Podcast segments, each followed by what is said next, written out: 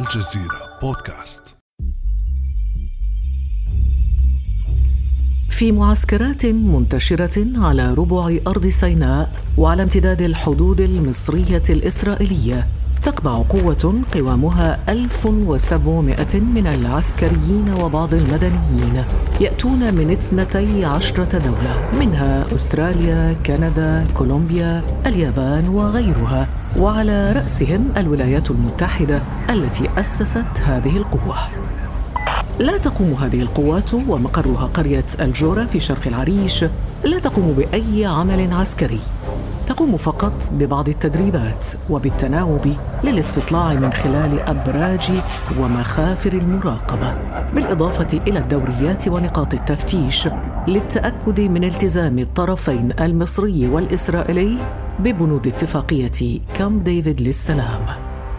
تمارس القوة مهامها الاستطلاعية مرتين شهريا منذ نحو أربعة عقود، لكن الولايات المتحدة التي تشكل عماد هذه القوات تفكر الآن في الانسحاب من سيناء. لماذا الآن؟ وما هي التداعيات الممكنة لهذا الانسحاب؟ بعد أمس من الجزيرة بودكاست أنا خديجة بن جنة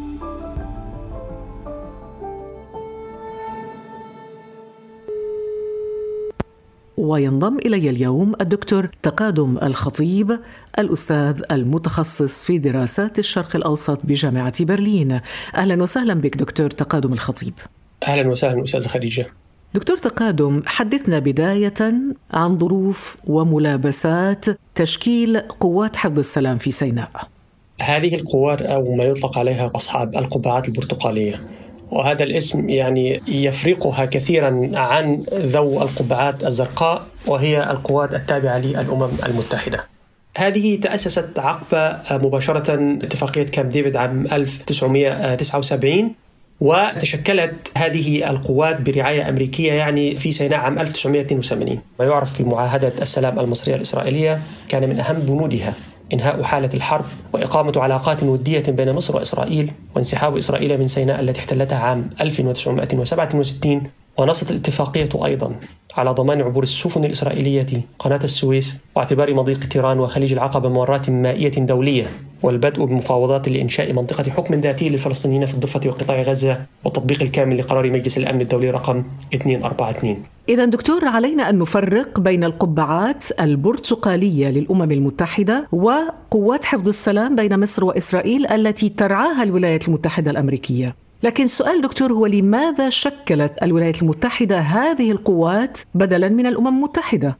لأنه كان هناك في هذه الفترة نوع من الرفض لما يسمى بجبهة الرفض العربية بقيادة سوريا وكان هناك نوع من الضغط من قبل سوريا على الاتحاد السوفيتي لاستخدام حق الفيتو ضد أي قرار يصدر من الأمم المتحدة بوجود قوات للأمم المتحدة في سيناء.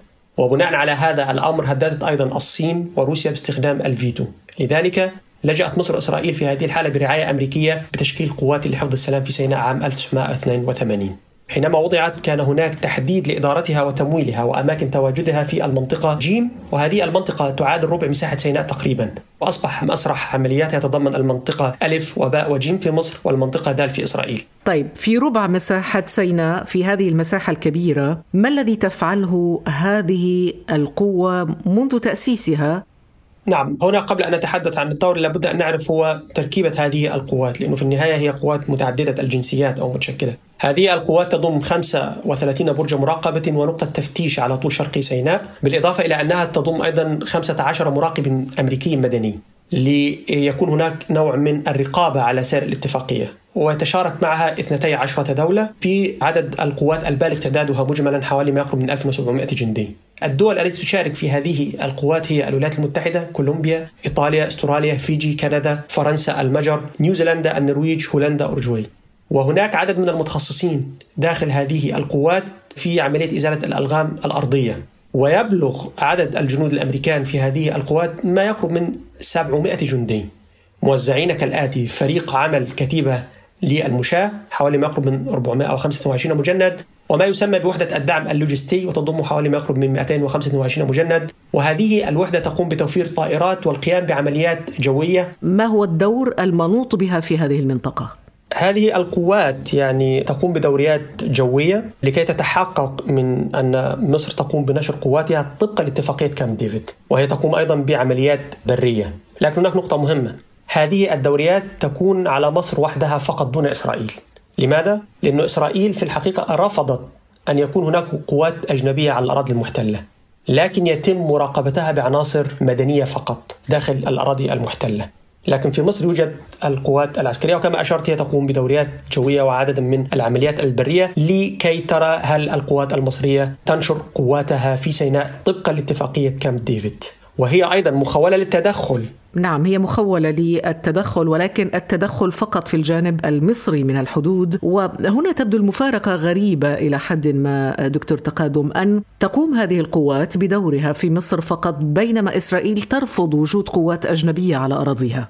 هذا الأمر في الحقيقة يعني هو طبقا لاتفاقيه كامب ديفيد المعيبة كثيرا في بنودها لأنه في النهاية الرئيس المصري الراحل أنور السادات حينما وافق على هذه الاتفاقية من كانوا معه متواجدين في المفاوضات لم يكونوا يظنوا أن السادات سوف يقبل بهذه البنود الخاصة بهذه الاتفاقية. حتى أن أحدهم ظن على ما أتذكر وزير الخارجية آنذاك قال بأنني ظننت حينما سأذهب إلى الرئيس المصري ببنود الاتفاقية سوف يركلني بقدمه يعني ويقول لي هذا الأمر غير مناسب بالمرة وبذلك لكنني فوجئت بأنه وافق على هذه المسألة. وبالتالي هذه الموافقة تمت بناء على اتفاقية كامب ديفيد التي وافق عليها الجنب المصري وبالمناسبة طيب في دور غير معلن لها؟ نعم هناك أدوار كثيرة جدا تقوم بها هذه القوات. قوات يعني حينما تكون هناك قوات أمريكية متواجدة في المنطقة هي تشارك في عمليات استخباراتية في المقام الأول ومعلومات مهمة جدا عما يقوم يعني تقوم به مصر في عمليات مكافحة الإرهاب وما يقوم به الآن تنظيم ولاية سيناء المتواجد في مصر الذي أعلن انتمائه لتنظيم الدولة الإسلامية وبالتالي تقوم بجمع هذه المعلومات المهمة جدا.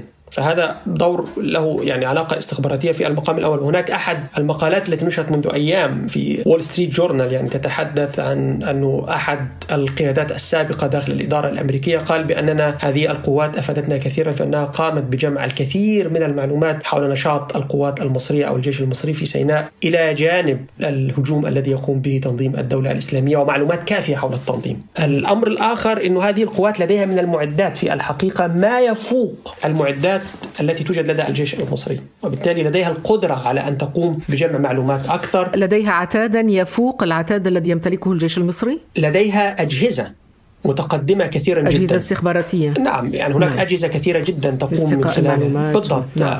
تفوق كثيرا جدا يعني التي توجد لدى الجانب المصري. نعم. إذا هناك أدوار غير معلنة أو غير رسمية تقوم بها هذه القوات في سيناء. وقبل قليل دكتور تقادم ذكرت تنظيم ولاية سيناء الموالي لتنظيم الدولة الإسلامية طبعا.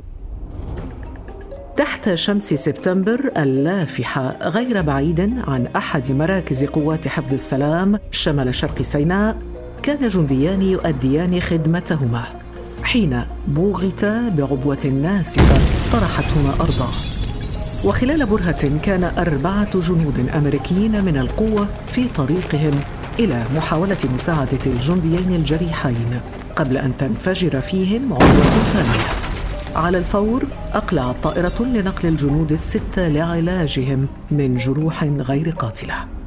أعلنت جماعة أنصار بيت المقدس مسؤوليتها عن التفجير، وهي جماعة سمت نفسها باسم ولاية سيناء، وأعلنت مبايعتها لتنظيم الدولة الإسلامية. تنفذ الجماعات المسلحة عمليات كثيرة في سيناء يستهدف أغلبها الجيش المصري بعيدا عن معسكرات قوات حفظ السلام. دكتور تقادم الآن إذا قارنا العمليات التي تعرض لها الجيش المصري والتي تعرضت لها أيضا قوات حفظ السلام في سيناء نجد فرقا شاسعا من ناحية الكم ومن ناحية الخسائر أليس كذلك؟ آه طبعا بلا شك لكن هذا لم يعفي في الحقيقة قوات حفظ السلام الدولية بين مصر وإسرائيل من أن تنظيم الدولة يقوم بمهاجمتها وحدث هذا أكثر من مرة مثلا في 2012 قام تنظيم ولاية سيناء بقصف منطقة مطار الجورة لأنه هناك تتواجد هذه القوات ثم بعد ذلك في سبتمبر 2015 أيضا هناك أصيب ست عسكريين إثر انفجار عبوة ناسفة في السيارة التي كانوا يستقلونها. يعني ما يقال أن هذه القوات لم تهاجم هو غير صحيح بنسبة كبيرة لكن نسبة الهجوم طبعا حينما نقارنها بنسبة الهجوم إلى الجيش المصري هناك فرق كبير جدا. لماذا؟ وجهة نظري يبدو أنه تنظيم سيناء أولا لا يريد أن يدخل في عملية معركة دولية لأنه في النهاية إذا ما قام واستمر بمهاجمة هذه القوات بصورة مستمرة معناه أنه سوف يقع في عملية حرب دولية مع قوات متعددة. هذه نقطة. النقطة الثانية مم. على الرغم من أنه التنظيم من قبل أعلن أنه سوف يقوم بمقاتلة هذه القوات أو محاربتها لإخراجها من سيناء لأنه يرى على حد تعبيره أنها قوات صليبية. هو ضد اتفاقية كامب ديفيد كما أعلن من قبل. لكن هناك نقطة أخرى أيضا مهمة وهي تتعلق بطريقة انتشار ومعدات الجيش المصري. الجيش المصري حتى هذه اللحظة لديه استراتيجية في الحقيقة غير ناجعة. في داخل سيناء. ومنها أنه يستخدم دائما الكمائن الثابتة. والكمائن الثابتة هذه كمائن يسيرة جدا وسهلة لتنفيذ عمليات من قبل تنظيم الدولة الإسلامية. بينما قوات حفظ السلام هي متحصنة بأبراج ولديها أماكنها ولديها مناطقها العازلة ولديها كما قلت أجهزتها الحديثة استشعار عن بعد وغير ذلك التي ترصد الحركات. وبالتالي سوف يكون من الصعب أيضا ممارسة أي هجوم ضدها في هذه المسألة. طيب رغم أنه الجيش المصري هو المستهدف أكثر من عمليات هذه التنظيمات لكن هناك استهداف بدرجة أقل لقوات حفظ السلام الدولية في سيناء فالغريب أن هذه الدول ما زالت مصرة على إبقاء جنودها في منطقة يعني تعتبر خطرة في شمال سيناء ما الذي يجعلها تبقي على قواتها هناك؟ هذا الأمر له علاقة بالولايات المتحدة الأمريكية وإسرائيل في المقام الأول، لأنه في النهاية معنى وجود القوات المتعددة الجنسيات وقوام الأكبر أو العدد الأكبر للولايات المتحدة الأمريكية معناه اولا مراقبة الأنشطة العسكرية المصرية داخل سيناء، ثانيا معناه أنه سيكون هناك نوع من الحفاظ على تنفيذ اتفاقية كامب ديفيد، ثالثا هذا سوف يضمن كثيرا جدا مسألة أمن الحدود الإسرائيلية لأنه سوف يكون هناك عملية نوع من تبادل الاستخبارات ما بين الطرفين، وبالتالي الولايات المتحدة الأمريكية تصر على هذه المسألة وإسرائيل أيضا تصر على هذه المسألة. ملاحظ اذا دكتور ضمن تركيبة هذه القوة أنه لا روسيا موجودة ولا الصين موجودة في هذه القوات وهي يعني هما عضوان في مجلس الأمن الدولي. أيضا هناك نقطة أخرى يمكن أن نقول بها أيضا أنه العلاقة ما بين مصر وما بين الولايات المتحدة الأمريكية هي علاقات ثلاثية، يعني بمعنى هي علاقة ثلاثية منذ البداية، طرفها الأساسي إسرائيل، يعني لا يمكن أن تتفرد مصر مع علاقات منفردة مع الولايات المتحدة الأمريكية دون أن تكون إسرائيل داخلة في هذه المسألة. وبالتالي وجود أمريكا في هذه المنطقة معناه أنها تقوم ببسط نفوذها أيضا في منطقة الشرق الأوسط وبالتالي لن يسمح لأن تكون هناك قوات روسية أو قوات صينية في هذه المنطقة. طبعا الآن الوضع تغير في الحقيقة لأنه الوضع السوري كما يقولون يعني شكل نوعا جديدا بأنه دخلت روسيا مرة أخرى إلى منطقة الشرق الأوسط من خلال يعني البوابة السورية. ونفهم من كلامك دكتور أنه إسرائيل هي المستفيد الأكبر من بقاء هذه القوات. بلا شك لأنه في النهاية كانت هناك محاولات كثيرة جدا وحديث في السنوات الماضية عن عملية سحب هذه القوات. في كل مرة كانت إسرائيل هي من تعترض على هذه المسألة. ماذا تستفيد اذا مصر من وجود هذه القوة على أرضها؟ هو قبل أن تعترض مصر يعني من هذه القوات، مصر في الحقيقة في وجهة نظري هي لا تستفيد شيء سوى أنها خاضعة لاتفاقية كامب ديفيد، بمعنى أنه يتم تنفيذ اتفاقية كامب ديفيد وبنود اتفاقية كامب ديفيد وهي تحت سلطة اتفاقية كامب ديفيد، لكن بعد الرغم من أن هناك تكلفة مادية في الحقيقة يعني لأنه الدول الثلاث سواء كانت الولايات المتحدة الأمريكية أو مصر أو إسرائيل تتشارك في تمويل هذه القوات. عندك فكرة عن هذه التكلفة؟ حوالي ما يقرب مصر تدفع حوالي ما يقرب من 25 مليون دولار سنويا في هذه المسألة. وفي الاجتماع السنوي الذي يعني يتم ما بين هذه القوات طلبت مصر من قبل بسحب هذه القوات أو محاولة تخفيف هذه القوات الموجودة لأنها تكلفها على أعباء مادية لكن تم الرفض وقال بأنه لا يتم هذه المسألة من قبل إسرائيل. قالت لأنه لا لأنه هذه اتفاقية. يجب أن يكون هذه القوات موجودة لكي يكون هناك حفاظا على تنفيذ بنود اتفاقية كامب ديفيد.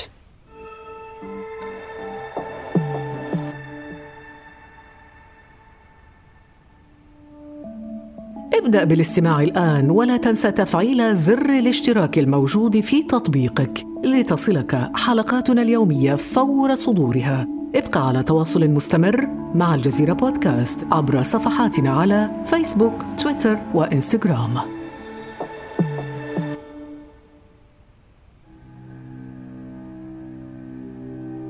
في كل مرة تتعرض فيها قوات حفظ السلام في سيناء لهجمات وحتى وإن لم تسفر هذه الهجمات عن قتلى تتردد أنباء عن أن الولايات المتحدة تدرس سحب قواتها من سيناء ضمن خططها لتخفيف انتشارها العسكري في منطقة الشرق الأوسط. آخر الدعوات الأمريكية لسحب القوات جاءت من وزير الدفاع الأمريكي مارك إسبر الذي قالت وول ستريت جورنال إنه حث الرئيس الأمريكي دونالد ترامب على سحب القوات. إسرائيل تقول إنها ستعقد محادثات مع الرئيس الأمريكي دونالد ترامب بعد أن حثه وزير دفاعه مارك إسبر على سحب القوات الأمريكية من القوة متعددة الجنسيات لحفظ السلام في شبه جزيرة سيناء. وقد نشرت وول ستريت جورنال تقريرا حول خطوة وزير الدفاع رغم المعارضة الإسرائيلية. لكن دائما ما كانت هناك أصوات معارضة تؤكد على أهمية التواجد الأمريكي في المنطقة. دكتور تقادم اذا هذه ليست أول مرة تفكر فيها الولايات المتحدة في سحب قواتها. ما الذي قد يدفعها برأيك هذه المرة إلى التنفيذ؟ أنا لا أظن أنه سوف يحدث هذا الأمر لاعتبارات كثيرة جدا سواء كانت اعتبارات في الداخل المصري أو اعتبارات فيما يتعلق بالسياسة الدولية أو أيضا اعتبارات في جانب العلاقات المصرية الإسرائيلية لأن هناك نوع من التغير حدث في الحقيقة في العلاقات المصرية منذ أن جاء الرئيس المصري الحالي إلى السلطة في 2014 هذه القوات أثير من قبل أن هي تنسحب في 2015 2016 ثم في هذه المسألة. هذا الأمر لن يتم لأنه انسحاب هذه القوات أولا سيؤثر على صورة مصر الخارجية.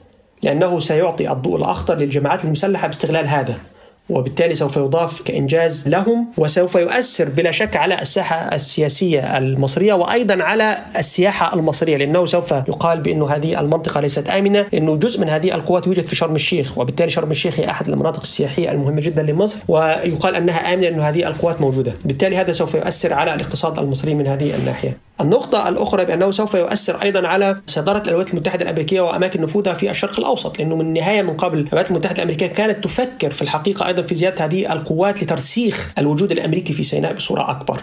نقطة أخرى مهمة يجب أن نشير إليها بأنه بعد صعود الرئيس المصري إلى السلطة في 2014 حدث اتفاق ما بين الجانب الإسرائيلي والجانب المصري على تغيير بعض البنود في اتفاقية كامب ديفيد لتسمح إسرائيل للجيش المصري بإدخال المزيد من القوات داخل سيناء لكي يقوم بمحاربة تنظيم الدولة الإسلامية في سيناء. هذا التعديل على معاهدة كامب ديفيد متى تم؟ هذا بعد أن صعد الرئيس المصري في 2014 إلى السلطة. مع وجود الرئيس عبد الفتاح السيسي على رأس نعم. السلطة في مصر. دعيني أقول شيئا مهما في هذه المسألة. نعم. بالتالي هذا التعديل أو الاتفاق الذي حدث ما بين الرئيس المصري الحالي الجنرال السيسي وكذلك ما بين القوات الإسرائيلية خاصة اليمين المتطرف هنا يعني نتنياهو والمجموعة التي تحكم في إسرائيل. ما هذا؟ كما قلت وأعطى الحق للجيش المصري أن يقوم بإدخال المزيد من العتاد والجنود في منطقة سيناء. هنا في هذه الحالة دور قوات حفظ السلام الدولية يكون مهما أكثر مما مضى لأنه سوف يراقب الأنشطة المتزايدة للجيش المصري داخل سيناء كما أنه سوف يقوم بعملية رصد للاستراتيجيات أو للتكتيكات التي يقوم بها تنظيم الدولة الإسلامية في مواجهة الجيش المصري وكذلك الاستراتيجية التي يقوم بها الجيش المصري في سيناء. وهذه مسائل مهمة جدا بالنسبة للولايات المتحدة الأمريكية حتى ترصد هل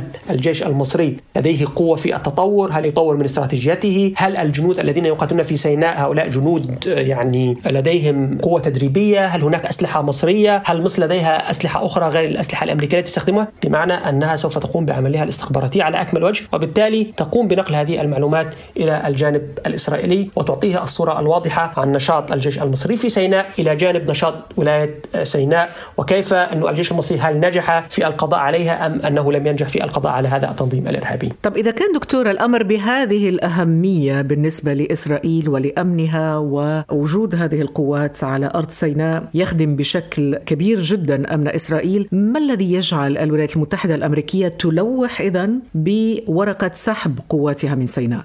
أعتقد هذا التلويح جاء من قبل الرئيس الأمريكي ويجب أن نعرف أنه السياسة الأمريكية لا تقوم فقط على البيت الأبيض. هناك وزارة الدفاع هناك أيضا وزارة الخارجية وترامب يعني كما يقول رجل لا يفهم كثيرا في هذه المسائل المتعلقة في الأمور السياسية الدولية وبالتالي يعني هو حينما يخرج ويطلق هذه المسألة لا أظن إنه وزارة الخارجية الأمريكية أو وزارة الدفاع الأمريكية سوف توافق على هذه المسألة. لأن كما ذكرت من قبل هذه المسألة أيضا تخص عملية تواجد الولايات المتحدة الأمريكية في منطقة الشرق الأوسط خاصة في سيناء وأيضا تتعلق بعملية حفظ أمن إسرائيل. وبالتالي هذا الأمر لن يكون يسيرا ويتم التحقق منه أو لم يتم تحقيقه على أي حال من الأحوال.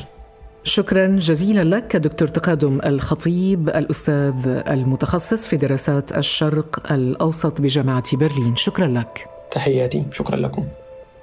ما هي المواضيع التي تحبون مناقشتها معنا؟ شاركوا بآرائكم وأرسلوا إلينا مقترحاتكم لتستمعوا إليها في بودكاست بعد أمس.